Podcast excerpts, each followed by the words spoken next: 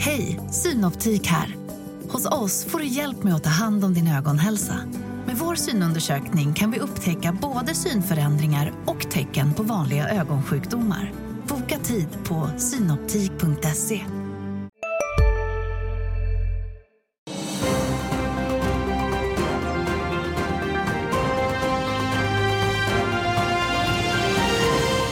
Ja, god morgon och välkomna till Börsmorgon denna tisdag den 14 november. Stockholmsbörsen ser ut att öppna i sidled. Mm. Avanzas VD lämnar efter bara en vecka på posten. Senare i programmet hör vi styrelseledamoten Jan Hedberg om beslutet. Och vi ska också analysera morgonens inflationsbesked. Kan dagens siffror ge bränsle åt ytterligare en höjning från Riksbanken? Och på tal om höga räntor så ska vi också ta ett grepp om fastighetssektorn. Och med mig för att göra allt detta så har vi Alexandra Stråberg, chefsekonom på Länsförsäkringar och Johan Hedberg, Edberg, fastighetsanalytiker på Handelsbanken. Välkomna. Tack. Tack.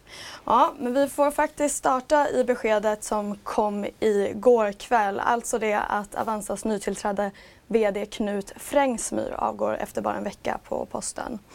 Och det här ska vi nu prata om med John Hedberg, VD för Avanzas ägarbolag Creades och även styrelseledamot i Avanza. Mm, det har varit en lång rekryteringsprocess till att hitta en VD och en vecka efter tillträdandet slutar Knut Frängsmyr. Vad är det som har hänt John?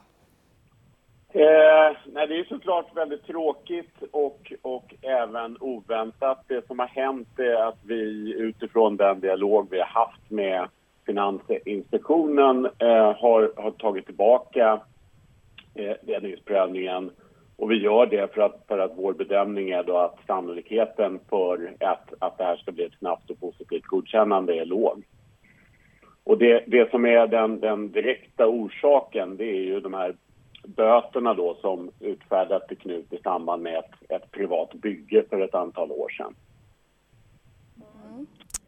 Det har ju framkommit att Knut inte berättade om det här initialt i rekryteringsprocessen. Hur mycket väger det in i ert beslut? Ja, men det, det stämmer att vi när vi gjorde rekryteringen och när vi skickade in ansökan så hade vi kännedom om att det fanns ett, ett pågående bygglovsärende och, och en process kring det. Däremot så, så förstod vi inte omfattningen eller hade inte kännedom om omfattningen fullt ut utan det, det kom ju senare och faktiskt bland annat i samband med den, den artikeln som ni på, på DI skrev. Ehm, så, så, så, det är klart att det, det finns ju ingenting, ingenting positivt i det. Samtidigt så, så var väl vår ehm, förståelse och tro att ehm, det ehm, det, det, det är ett faktum. Knut har varit FI-godkänd i ett antal roller tidigare, både i Sverige och andra länder. Så eh, vi bedömde väl att, att, att risken för att det här inte ska gå igenom var låg. Mm. Och vad är det nu då som har framkommit i den här dialogen du pratar om med FI som har gjort att ni måste ta det här beslutet? Nej, det, det, det, är precis det att det faktum att det har utdelats då en, en kommunal sanktionsavgift kring det här bygglovsärendet eller böter, eh, det, det eh, bedöms på, påverka sannolikheten för att Knut ska godkännas negativt. Jag undrar lite, tas beslutet enbart på grund av de här eh, böterna som Knut har fått eller finns det något annat bakomliggande? Nej, beslutet tas enbart för att vi bedömer att, att det kommer att... Eh, det är låg sannolikhet för ett godkännande från FI. Eh, och den, den specifika orsaken som nämns från FI är böterna. Så att det, det är precis så enkelt som det är. Och hur har Knut själv tagit emot det här beskedet? Eh, nej, det, det är så, såklart att även, även han tycker att det här är tråkigt och oväntat. Där, där är vi alla helt överens. Och vem blir VD nu istället för Knut? Ja, vi hade ju ett styrelsemöte igår där vi utsåg Gunnar Olsson som är eh, vice VD och har gjort honom till, till förordnad VD.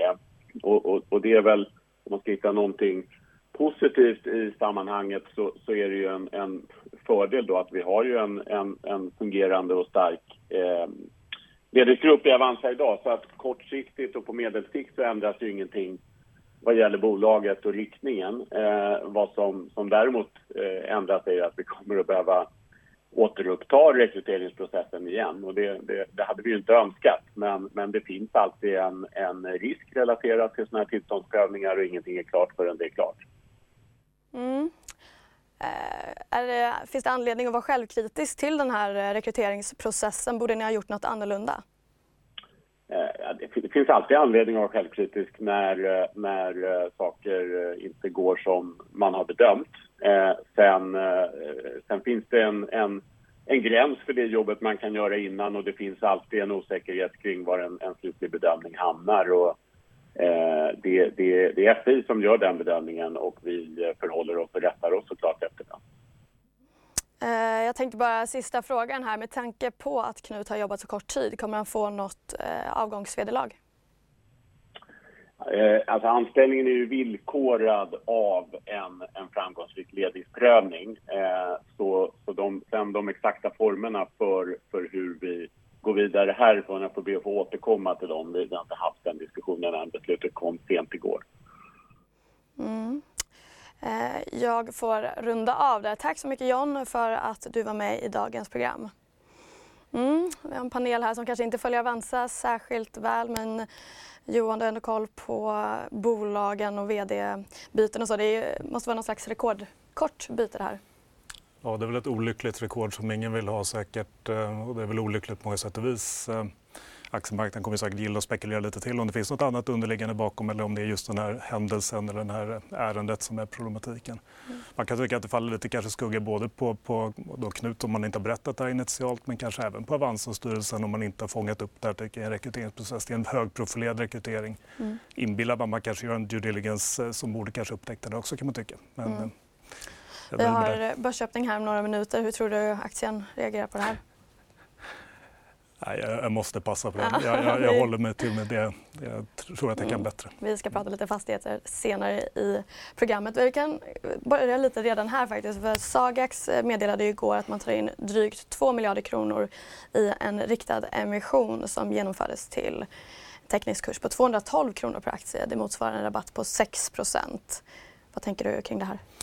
Men det här är ju en kopia egentligen av det som Sagax gjorde i juni. tog man också in 10 miljoner aktier, drygt 2 miljarder, lite lägre kurs vid det tillfället i syfte att egentligen växa vinst per aktie. Det är ett bolag väldigt tydligt med att det här är inte en defensiv åtgärd, det här är en offensiv. Och det är de facto så att bolaget har ju köpt tillgångar för över 5 miljarder sedan årsskiftet och mer än 4 miljarder sedan senaste nyemissionen. Och Sagax är ju ett bolag i en väldigt speciell position, Det är en aktie som handlas till en stor premievärdering. Eh, och man förvärvar tillgångar som avkastar väldigt mycket, alltså kanske avkastningar över 7% ibland över 10 så det är, en det är få andra bolag som kan göra den här typen av åtgärder och kalla det för offensivt i det här marknadsläget. Mm. Eh, sen tittar man på aktien, Sagas aktie sen förra nyemissionen under sommaren så har den inte outperformat utan snarare motsatsen. Den har gått lite sämre än sitt jämförelseindex. Mm. Så det är inte solklart att det på kort sikt är något som lyfter, lyfter aktien och synen på, på, på hur man ska handla aktien. Men det är klart på lite längre sikt om man kan fortsätta göra det, att ta in pengar, öka vinsten, ta in mm. pengar, öka vinsten. Det är klart att det är en häftig, en häftig företeelse, ett bra bolag på det sättet. De lever kvar i 2021 lite? Ja. ja, kan tillåtas göra det kanske i större utsträckning än många andra. Mm. Hur tror du att eh, den här aktien reagerar? Har du någon spekulation? Eh, jag tror att det är så mycket annat nu med inflation som kommer in på morgonen som kommer att vara styrande också. Eh, jag, jag, jag, jag har ingen conviction på om den ska upp eller ner. Jag tror att om jag minns rätt att den reagerade ganska positivt på förra, förra, mm. vid förra tillfället. Mm. Samtidigt som den underperformade liksom, efterföljande period. Så att, mm. ja. Ja, men vi ska faktiskt släppa bolagsnyheterna för nu och gå över till morgonens huvudakt, nämligen just inflationssiffrorna som vi var inne på. Inflationstakten i Sverige mätt som KPIF uppgick till 4,2% i oktober. Det var lägre än väntat, men högre än Riksbankens prognos. Och Alexandra, du är experten här. Vad betyder siffrorna för Riksbankens besked nästa vecka? Alltså inflationsutfallet är ganska svårtolkat. Därför beroende på vilket mått du använder så kan antingen så var, liksom, gick det ner eller så gick det upp eller så var det oförändrat. Eh, och de flesta nationalekonomer skulle ändå tolka det här som positivt. Eh, därför att eh, trots allt så går det åt rätt håll. Eh, KPIF var något högre än Riksbankens prognos men det är på grund av de här elkostnaderna och det är ju både volatilt och ganska temporärt. Mm. Så att, eh, men tittar vi på KPIF exklusive energi, eh, vilket jag tycker kanske är det mest intressanta, det är den här kärninflationen, så sjunker den ju markant. Och allt det här betyder egentligen för Riksbanken att det skapar ett eh, manöverutrymme. Mm. Eh, det vill säga handlingsfrihet. Så det betyder att man kanske inte behöver höja i nästa vecka. Man har faktiskt ett val. Men kommer man höja då? Eh, jag tror inte att man kommer att höja. Eh, man behöver inte höja. Eh, men jag tycker också när vi pratar om det här, då pratar vi om höjning på 0,25. Och det är klart att det är mycket fokus på det. Men jag tycker att mer intressant är faktiskt att titta på hur länge kommer den här något högre räntenivån att vara. Mm. Därför det är mycket, mycket mer konjunkturpåverkande också för mm. hushållen. Och hur länge tror du? Kanske till nästa höst. Mm. mm. Johan, du håller ju mest koll på fastighetsmarknaden som vi varit inne på. Men hur intressant är den här inflationssiffran för dig? Min läsning, amatörmässiga läsning är att det är liksom ett utfall ganska i linje med vad man var väntat. Kanske lite högre än Riksbankens prognos, lite lägre än marknadens eh, tankar om utfallet. Det jag kan konstatera är att KPI, renodlat KPI var 6,5 procent. Eh, om jag läste det rätt, eh, det är det som reglerar indexeringen och hyror för 2024. Där tror jag att de flesta bolag i sina värderingar i alla fall lagt in 6 mm. någonstans runt det. Så ska, ska jag dra ur någon, någon, liksom någon tolkning ur det här så är det kanske att det skulle kunna tolkas lite positivt ur ett indexeringsperspektiv då för fastighetsbolagen och att värderingarna får lite stöd och kanske i fjärde land första kvartalet av en något högre så att säga, uppgång i mm. indexeringen. Intressant. Um...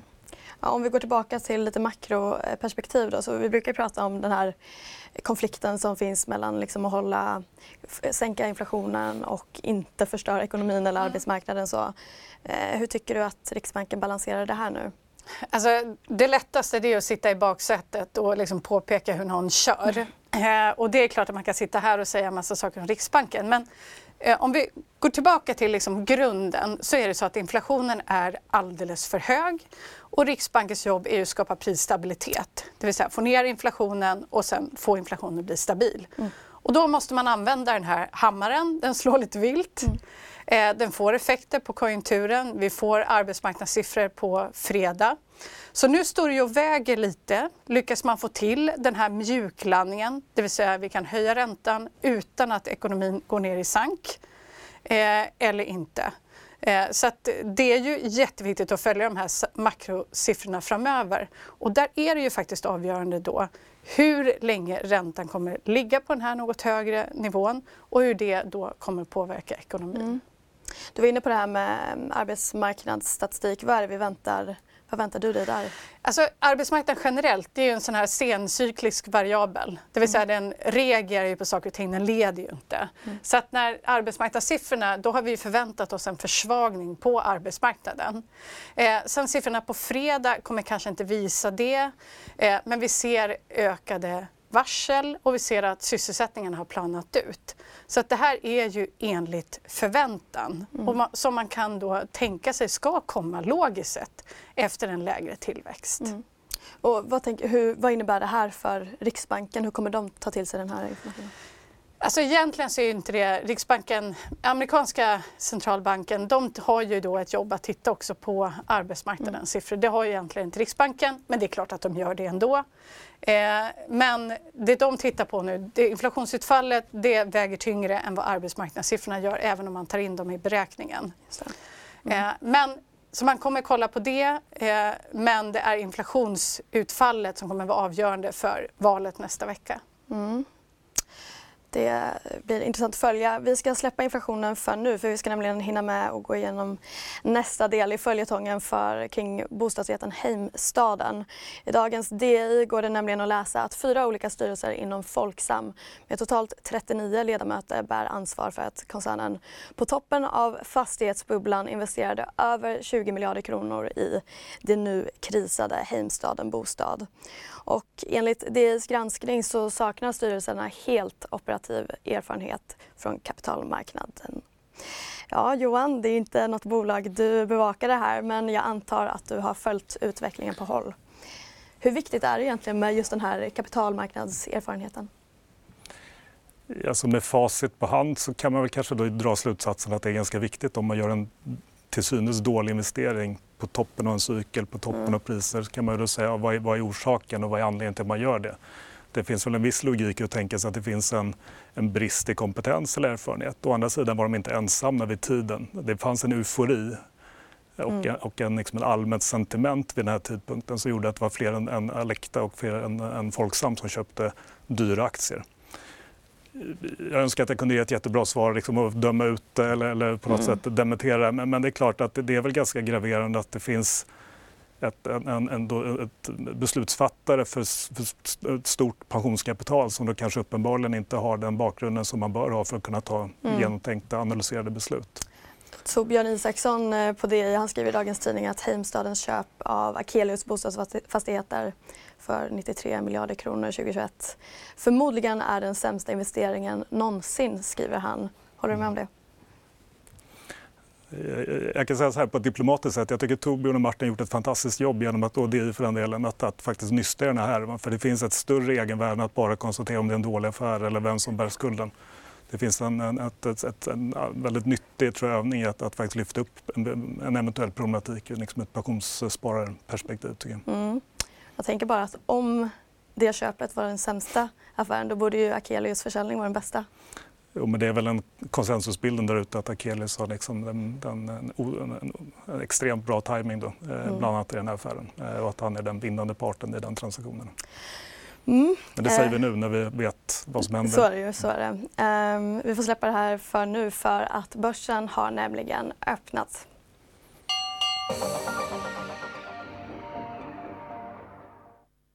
Stockholmsbörsen inledde något avvaktande men vi har svarta siffror som lyser i grönt och breda index är upp 0,2 procent. Och om vi tittar på storbolagslistan så ser vi att Sinch är upp 1 procent. Även AstraZeneca rör sig där i toppen på storbolagslistan och AstraZeneca är upp halv procent ungefär. De har ju precis fått godkännande i Kina för sitt preparat Infinzi men studien för samma preparat uppnådde inte statistisk signifikans för primärmålet. Om vi fortsätter på storbolagslistan så ser vi att även Boliden stiger medan vi i botten hittar Kinnevik och SBB.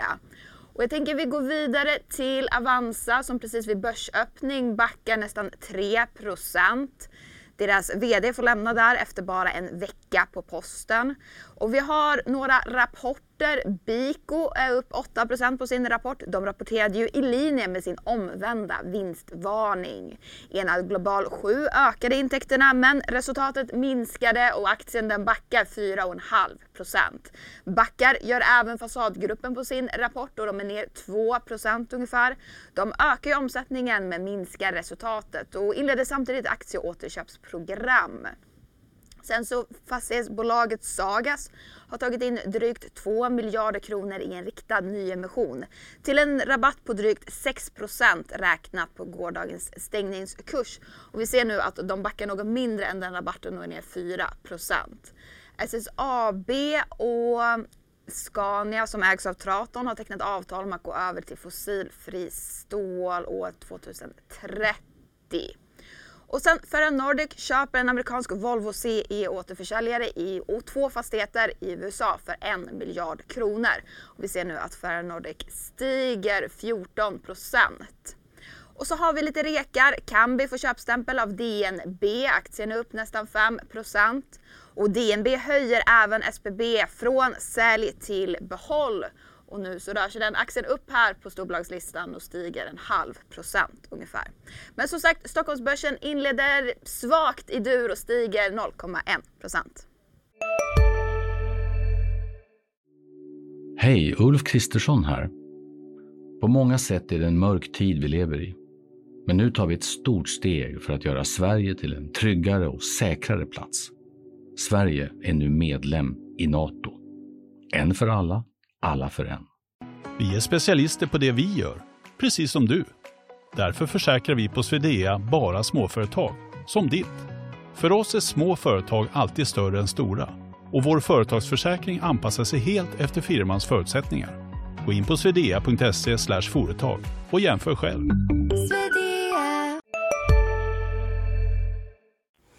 Mm, tack för det Sofie. Mm. Är det något ni hajar till på här Johan? Du något? Nej, men vi ser ju Sagax går ju ner lite grann, men mindre än vad den borde göra rent tekniskt om man tittar bara på vad, vilken emissionskurs vi såg. Och det kanske, ja, jag är inte jätteförvånad. Eh, mm. Som sagt, det är inte en defensiv åtgärd. Det är någonting som då syftar till att växa vinsten. Så det finns väl en logik i att man inte handlar ner den till, mm. till samma nivå riktigt. Att man ger en rabatt i en kapitalanskaffning är någon form av praxis. Mm. Jag tänker att eh, nu när vi pratar om det här inflationsutfallet, mm. egentligen vi pratar om är ju Riksbankens agerande. Mm. Eh, och jag tycker att tittar man på börsen nu så kanske det är det här svåra resultatet trots allt, att det liksom står och väger, det är 50-50. Det vill säga kanske inte helt övertygade om att man inte kommer att höja räntan mer utan att det står och väger lite mm. och att det mer handlar om att Riksbanken har ett val. Eh, mm. Så man vågar inte riktigt tro kanske på det här inflationsutfallet. Nej, intressant. Johan, jag såg även att eh, SBB var upp lite efter att DNB höjt från sälj. Eh, SBB kom ju med en rapport igår. Jag vet att du inte följer bolaget men eh, är det läge att köpa in sig här? Just den frågan blir då svaret som inte följer bolaget. Men jag tänker så här, alltså jag tror att SBB är, har blivit lite av en, ett, en lottsedel. Liksom.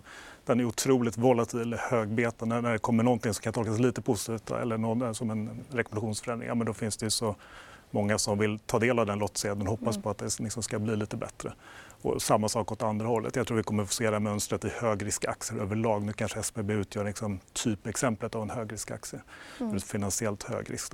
Det kommer vara volatilt hos laget och det kommer reagera på, på antydningar till positiva nyheter eller negativa nyheter. Mm. Eh, du får inte ett bättre svar än så. Mm, förstår det. Men vi ska faktiskt prata lite mer om fastighetssektorn i allmänhet. Jag tyckte mig skönja att du har blivit lite mer positiv till sektorn. Stämmer det? Ja, men jag tror att det började egentligen i april. Varför gjorde, varför gjorde vi det och vad har vi gjort sedan dess? Alltså jag, jag, vi har varit ganska negativa över en längre tid. Vi har tyckt att det funnits en underliggande problematik som bolagen i väldigt liten utsträckning har hanterat. Det funnits lite sticka ut i sanden och hoppas på det bästa med liksom strategi framåt. Uh, nu har vi inte fortsatt inte sett jättemycket åtgärder. Vi har inte sett kanske mycket kapitalanskaffning eller stora försäljningar om man jämför det med hur mycket man liksom expanderade och köpte under mm. åren fram till slutet av 2021. Samtidigt tycker jag att jag tror att det kanske har blivit lite, man har blivit lite mer bekväm att räkna på de här räntenivåerna. Det har blivit lite tydligare vilka bolag som faktiskt kommer klara att betala en ränta på 5% till exempel. Vilka som har en underliggande strategi, om man kallar för bolagskvalitet. Det finns en strategi som inte bara handlar om att köpa så mycket som möjligt under ett antal år. Utan det finns en tanke med vad man vill äga, hur man vill äga, vilka hyresgäster man har och så vidare. Och kan man kombinera den bolagskvaliteten med en, en, en, lite bättre visibilitet, transparens i att, att det här, nej, men de kommer inte liksom bryta sina konvenanter, man kommer kunna klara att betala räntorna, kanske till och med investera lite i fastigheten och så vidare. Ja, och, och kombinera det med liksom en, en nedställd förväntansbild i form av lägre aktiepriser. Mm.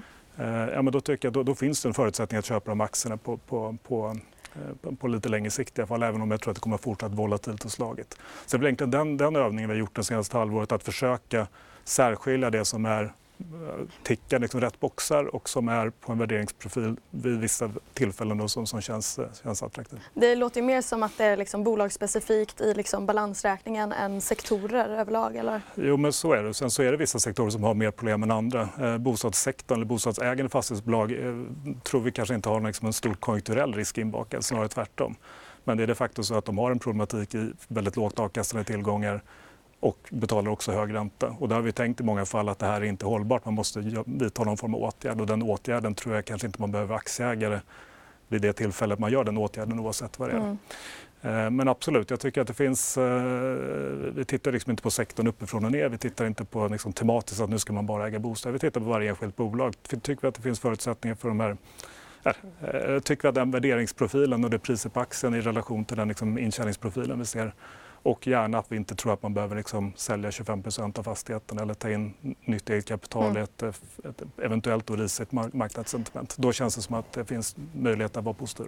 Vad, vad är det för bolag som ni ser som köpvärda nu, nu då? Ja, alltså vi gillar ju, återigen om jag återkopplar till det här med liksom att ha en strategi och en tydlighet och gärna att vi gillar ledningen och, och ägarna. Vi tycker till exempel att Wihlborgs är ett fantastiskt bolag. Eh, mm. Eh, kanske inte den billigaste aktien, men jag tror inte att det är bara värdering man ska gå på just nu. Eh, Catena, låg finansiell risk, en bra affärsmodell. Vi gillar, gillar både ledning och ägare platser eh, tycker vi har blivit straffad väldigt mycket senaste tiden. Kanske lite på någon form av oro för Göteborgs kontorsmarknad. Vi tänker att den är lite överdriven, mm. åtminstone när man tittar på, på platsens förutsättningar. Eh, så vi kan komma fram vi har ganska många bolag som vi tycker är intressanta. Just Sagax då som är aktuellt idag, mm. är det något ja, men Vi gillar bolaget, jag har ju följt bolaget i snart 20 år. Eh, tycker liksom det David Mindus har byggt från dag ett, från att vara ett microcap upp till det bolaget är idag är en fantastisk skapelse. Vi har aldrig haft problem med bolaget egentligen. Mm. Eh, sen har jag från tid till annan och relativt ofta tyckt att liksom förväntansbilden har varit lite väl högt ställd. Mm. Eh, så har vi tyckt egentligen under stor del av 2023. Vi tror att man kanske måste få, att tillväxten kommer komma ner lite grann eh, för att man måste kanske hantera lite skuldförfall på ett annat sätt än man behövt göra tidigare. Att det kommer bli högre räntor där också. Eh, mm. Nu tycker vi, efter Q3-rapporten så tog vi upp den till liksom neutral, eh, neutral rekommendation. Vi tycker nu liksom att priset har kommit ner och reflekterar egentligen den, den bolagskvalitet som finns och en rimlig förväntansbild på tillväxt. Mm. Så bolaget super, superfint, ibland lite för väl så att säga, maxad värdering. Mm. Alexandra, du behöver inte gå in på bolagsspecifika detaljer men jag tänkte lite med just det här ränteläget som vi har pratat om. Hur ser du på fastighetssektorn liksom, i stort? Ser du risker där? Eller? Ja, men, och det är inte bara vi som ser risker när man vet att de är högt belånade och räntan är avgörande. Även när man tittar på svenska kronan så har ju det en ganska stor påverkan. Men jag tror att vi har kommit en bit på vägen. Jag menar, tittar man först när räntan gick upp och vi började prata om de här äh, sårbara fastighetsbolagen då kändes det som att alla fastighetsbolag drabbades på börsen. Mm. Det sätter alla bolag ner. Därför att alla är ju inte fastighetsanalytiker så det är ganska svårt att avgöra, är det ett välskött bolag mm. eller är det inte det? Är det ett mer riskfyllt bolag? Nu känns det som att när tiden nu har gått så har man mer information, det vill säga man kan särskilja ett fastighetsbolag mot ett annat på ett mm. annat sätt. Mm. Eh, men så länge räntan är så pass hög som det är och igen då hur länge den kommer att pågå, det är klart att det kommer påverka hela den sektorn och alla sektorer som är då mer beroende av räntan. Mm. Vi har pratat ganska mycket här under året i alla fall om eh, liksom, kapitalmarknadens vikt och att den ska fungera, särskilt obligationsmarknaden. Eh, Johan, hur funkar, är den igång igen och liksom, och den bra? Nej, det gör det väl inte. Eh, jag tänker att det är liksom otroligt mycket en vecka, från en vecka till en annan. Det fanns ett litet fönster för någon månad sedan där vi såg ett antal emittenter, liksom relativt starka investment grade för att vara icke-statligt ägda, då, typ eh, Fabege, Atrium Ljungberg. Mm. Castellum ute och emitterade men det är fortfarande små volymer och det är fortfarande ganska dyrt. Det är fortfarande dyrare än bankfinansiering. Mm. Det är klart, det här tolkades väl som lite första tecknet på någon form av upptidning, att det börjar finnas lite intresse och man kan mötas någonstans. Lite dyrare men ändå okej. Okay. Eh, jag tror många av de här bolagen vill ju göra vad man kan åtminstone för att liksom smörja, eh, smörja marknaden, se till att eh, att erbjuda eh, köparna någon, eh, liksom krediter när de vill ha det. Eh, man kan inte göra för stora volymer just nu, för både för att pengarna är ganska korta och det är fortfarande relativt dyrt.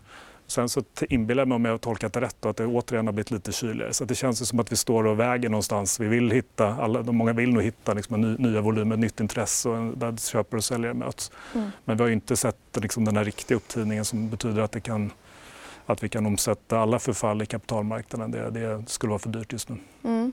Nej, men jag tänker det, jag har inte sån koll som du har men det känns som att eh, fastighetsbolagen har liksom eh, varit på väg från obligationsmarknaden mm. nu att de vill in i bank mer eller lägre skuldsättning överlag såklart. Men... Ja, det handlar inte om någon vilja eller önskan utan det handlar bara om ett, ett krasst faktum att kapitalmarknaden har sagt att ska ni låna våra pengar så kommer ni få betala så här mycket. Mm. Eh, och det har inte varit ett alternativ, det har varit alldeles för dyrt och än så länge har det funnits en bank eh, en, en, nordisk bankverksamhet eller bank, banker helt enkelt som har tyckt att de här som gillar säkerställd skuld i grund och botten mm. Eh, och tycker att känner vi motparten och är ett hyfsat bra bolag, fastighetsbolag så, så lånar vi gärna ut.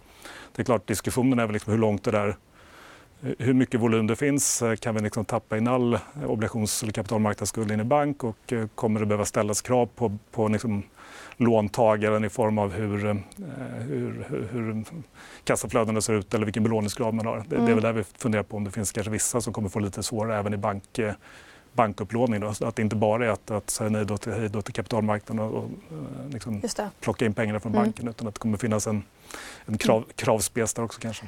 Jag funderar lite på det här med kreditbetyg. Det känns som att det pratade man också om väldigt mycket, eller i perioder är väl det. Och igår kom det upp igen i, i rapportintervju med SBB. Då. Mm. Eh, alltså, är, är, det fortsatt lika viktigt som det var för några månader sedan och, eh, med just de här kreditbetygen? Och du pratade om investment grade här. Jag håller med. Det var en diskussion som var väldigt het och vi liksom, mycket av analysen utgick från om man klara sin rating med S&P eller med Moody's.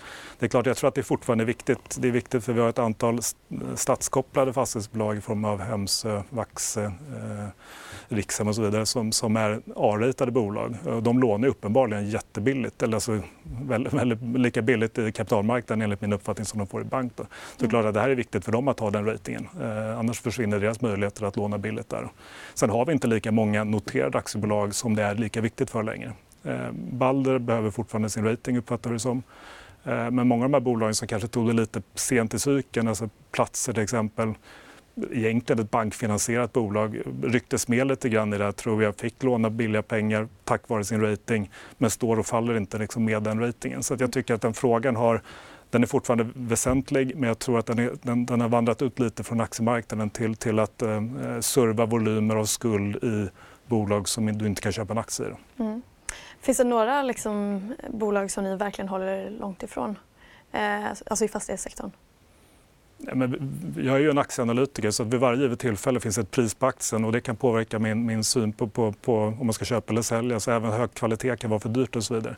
Vi har ett antal bolag som vi tycker är för högt värderade givet kanske riskprofilen, givet intjäningsförmågan och så vidare. Balder är ett sådant exempel. Eh, på över 50 kronor tycker vi att liksom riskerna inte reflekteras i prissättning och värdering. 18 Ljungberg tycker vi är lite för dyr. Wallenstam i det här läget tycker vi är lite för dyr. Mm.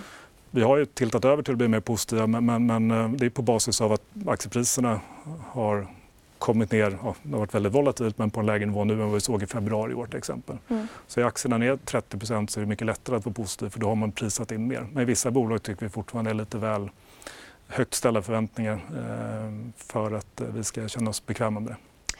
Just det. Eh, jag ska faktiskt säga att vi har en eh, VD som väntar i den digitala kulissen som vi brukar prata om. För det är nämligen fasadbolaget Fasadgruppen som har kommit med en rapport. Bolaget rapporterar en tillväxt på 8% och en ebitda-marginal som backade 7, till 7,9% ner från 9,6 motsvarande kvartal året innan. Och nu så har vi med oss VD Martin Jakobsson. Välkommen! Tack så mycket. Tack. Ja, ni växer på kvartalet men organiska tillväxten är noll. Hur förklarar du det här? Eh, man kan säga att är, vi är spridda över Norden och Sverige sticker ut där det är som mest påverkat negativt kan man säga. Våra övriga marknader, eh, Norge särskilt, eh, växer starkt men även Finland. Danmark är väl förhållandevis stabilt eh, i kvartalet. Så att det som sticker ut kan man säga Stockholmsområdet särskilt påverkat och även ny, vår nyproduktionsdel då. Men då kan man komma ihåg att ungefär 80% av vår omsättning kommer från renovering. Det var precis det jag tänkte fråga. Det har ju skett en kraftig inbromsning i byggkonjunkturen och jag tänkte fråga hur beroende ni är av nybyggnation men det är alltså en femtedel ungefär då? Ja, ungefär. Jag tänkte fråga lite om eh, övriga marknader för ni har ju en uttalad eh, förvärvsstrategi. Hur ser förvärvsutrymmet ut nu för er? Ja, men vi kom in med ett nytt finansieringsavtal här under sommaren så vi har väl en eh, ja, torrt krut på cirka 1,1 miljard. Eh, och vi nämner även det i rapporten att eh, cirka 600 miljoner skulle vi kunna förvärva för allt annat lika för att kunna komma upp till liksom vår kovenantnivå. Så det är gott om förvärvsutrymme. Vi nämner också att vi har fyra signerade liksom, intentionsavtal med, med bolag så att jag tycker det rullar på väldigt bra med, med förvärvspipelinen. Eh, är det några särskilda marknader som är eh, särskilt eh, attraktiva för er nu? Du pratade om att Stockholm kanske inte var så hett. Stockholm är kanske inte så hett men det kan ju bli hett igen och då kan man göra liksom mycket bra affärer i, i, i sådana marknader också. Så att jag, ska, jag, jag dömer inte ut några marknader och på längre sikt så tror jag stenhårt på Stockholm. Eh, men eh, absolut, där vi, där vi växer eh, på, med förvärv framgent ser vi starka marknader såsom Norge och eh, Finland i synnerhet. Men jag dömer inte ut någon marknad utan vi är öppna för hela Norden som vanligt. Och om vi blickar framåt och de närmsta kvartalen, eh, hur ser orderläget ut för er just nu?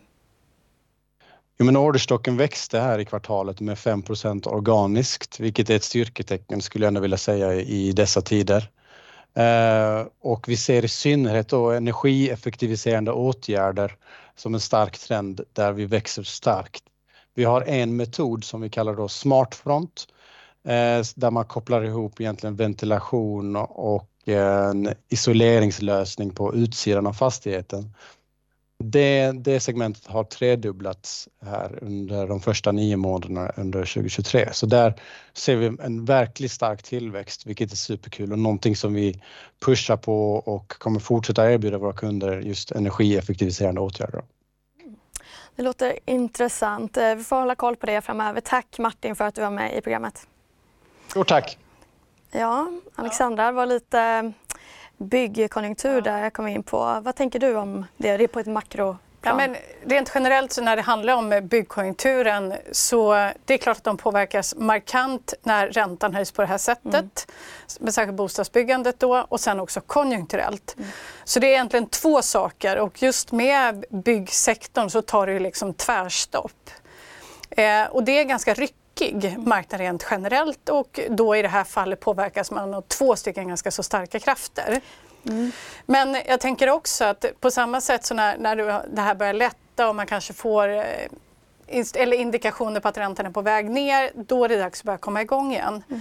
Det som är stökigt då, det är ju att man har gjort sig av med en hel del folk. Så att det kan ta tid med att få upp produktionen igen. Så att det, det tar slut snabbt och sen tar det lite tid innan det kan komma upp på banan igen. Mm.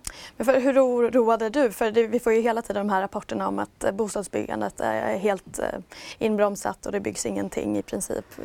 Ja, men, och det, det, vet vi att det är extremt konjunkturkänsligt och extremt räntekänsligt. Mm. Eh, så att om folk inte vill köpa då vågar man inte bygga. Det vill säga då vågar inte folk signa upp sig och har man signat upp sig på någonting så kanske man har fått helt andra förutsättningar. Mm. Det vill säga man som köpare kan kanske inte klara av lånelöfte från banken eller man har för dålig vardagsekonomi för att kunna liksom vara kvar i ett köp. Eh, så att det här är stökigt och sen är det klart att eh, sådana som Fasadgruppen och andra då som är underleverantörer, de påverkas också markant och sen sprider sig detta. Mm, och du var inne på det här att det är liksom när räntan vänder igen. Är det bara räntan vi går och väntar på? Finns det några liksom finanspolitiska stimulanser som kan komma in för att få igång det här?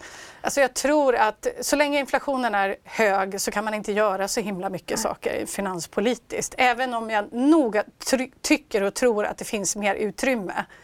Eh, därför att ibland så håller man den här inflationen som lite sådär gisslan eller en populistisk ursäkt. Jag mm. tror man skulle kunna göra mer. I det här läget är det inte säkert om man gör någonting därför att det händer så mycket annat som man behöver lägga pengar på. Eh, så att jag tror helt enkelt att räntan kommer vara hög och när då Riksbanken kanske nästa höst eh, kan börja sänka den, då bör de här ekonomiska hjulen att rulla igen och då kan vi få igång ekonomin. Mm. Johan, eh, du har ju också lite koll på byggsektorn. Kan du inspireras någonting av eh, Fasadgruppens rapport här?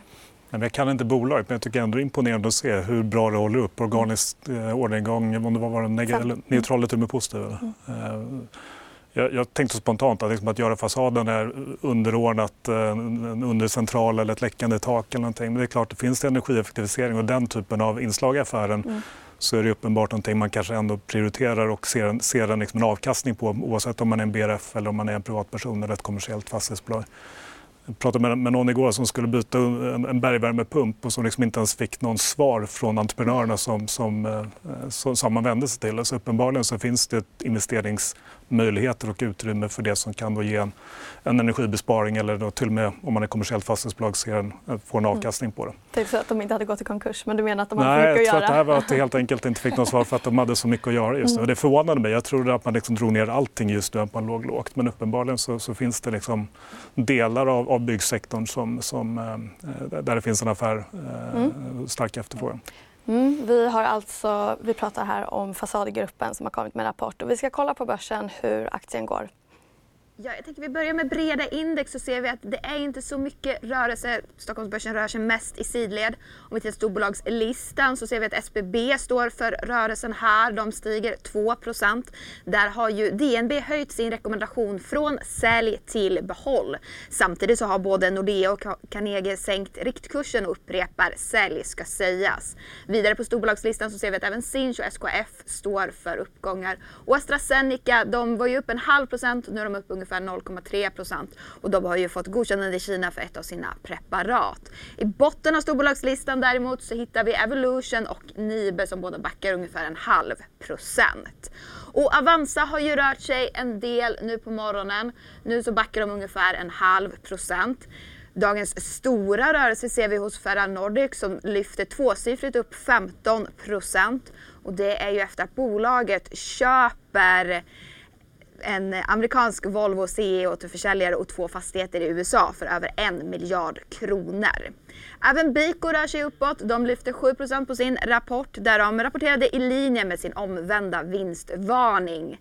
Enad Global 7 däremot, de ökade intäkterna men resultatet minskade och de backar 4 och nu kommer vi till Fasadgruppen. De backar 2% på sin rapport. De ökar ju omsättningen men minskar resultatet och inledde samtidigt ett aktieåterköpsprogram.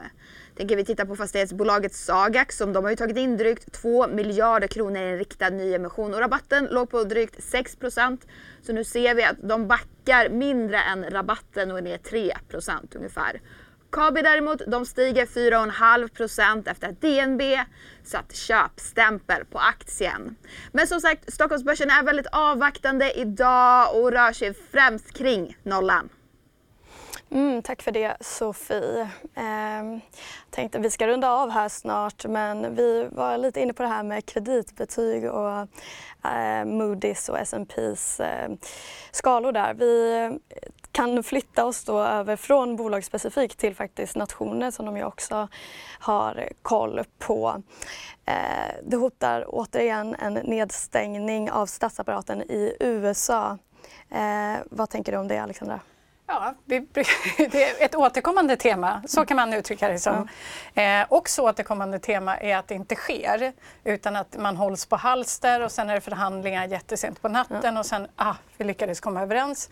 Och det är klart att man vill och ska komma överens eh, och det hoppas jag också denna mm. gång. Eh, sen när det gäller USA så tycker jag ändå det är lite spännande därför att Tittar man generellt så är det väl ingen som för ett år sedan trodde att USA skulle klara av en ränta på över 5 Eh, men det ser ju faktiskt, alltså de signaler som vi får från amerikansk ekonomi, förutom då statsapparaten, mm. eh, ser det ut som man eh, sannolikt lyckas landa den här enorma jumbojätten till ekonomi på ett ganska gott sätt. Ja, min långa inledning här var ju angående att Moody's har sänkt eh, kreditutsikterna för USA. Alltså, eh, ja. Jag vet inte om det får så himla stor effekt. Det är trots allt USA som är loket i världsekonomin. De drog oss ur pandemin. Eh, jag tror sannolikt att de kommer dra oss ur den här lågkonjunkturen också. Mm. Och, så att, eh, jag vet inte hur stor skillnad det kommer göra trots allt. Mm. Eh, och nu idag, faktiskt senare idag, så väntar ju även ett amerikanskt inflationsbesked. Hur viktigt blir det?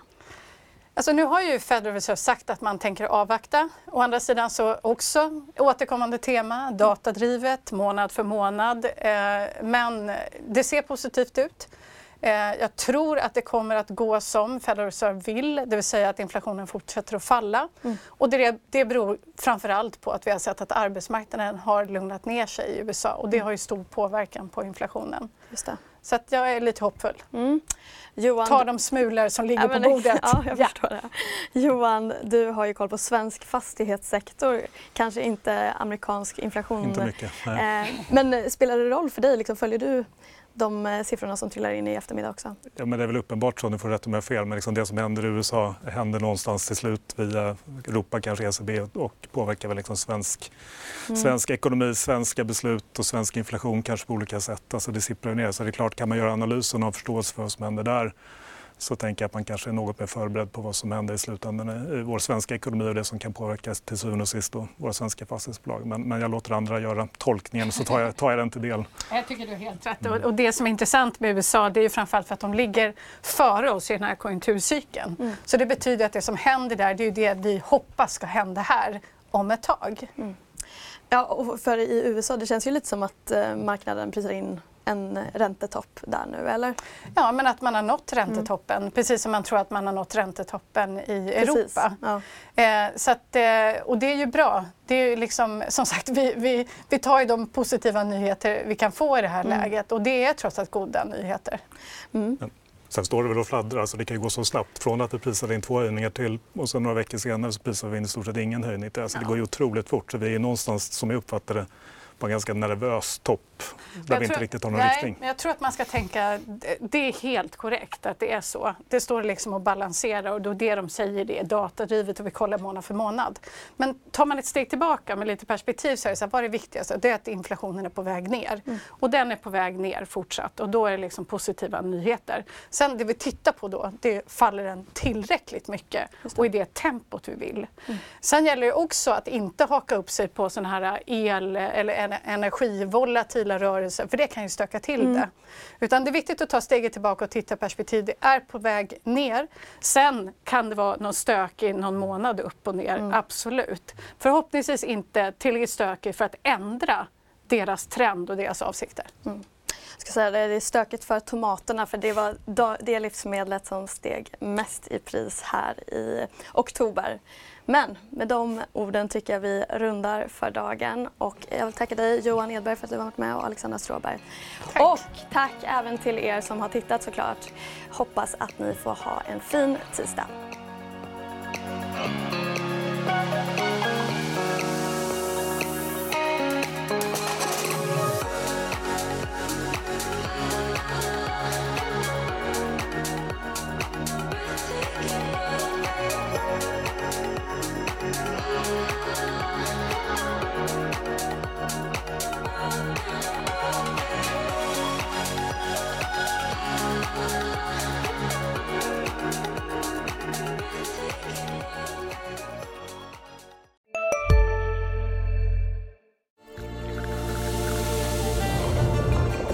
Välkommen till Maccafé på utvalda McDonalds restauranger med Baristakaffe till rimligt pris.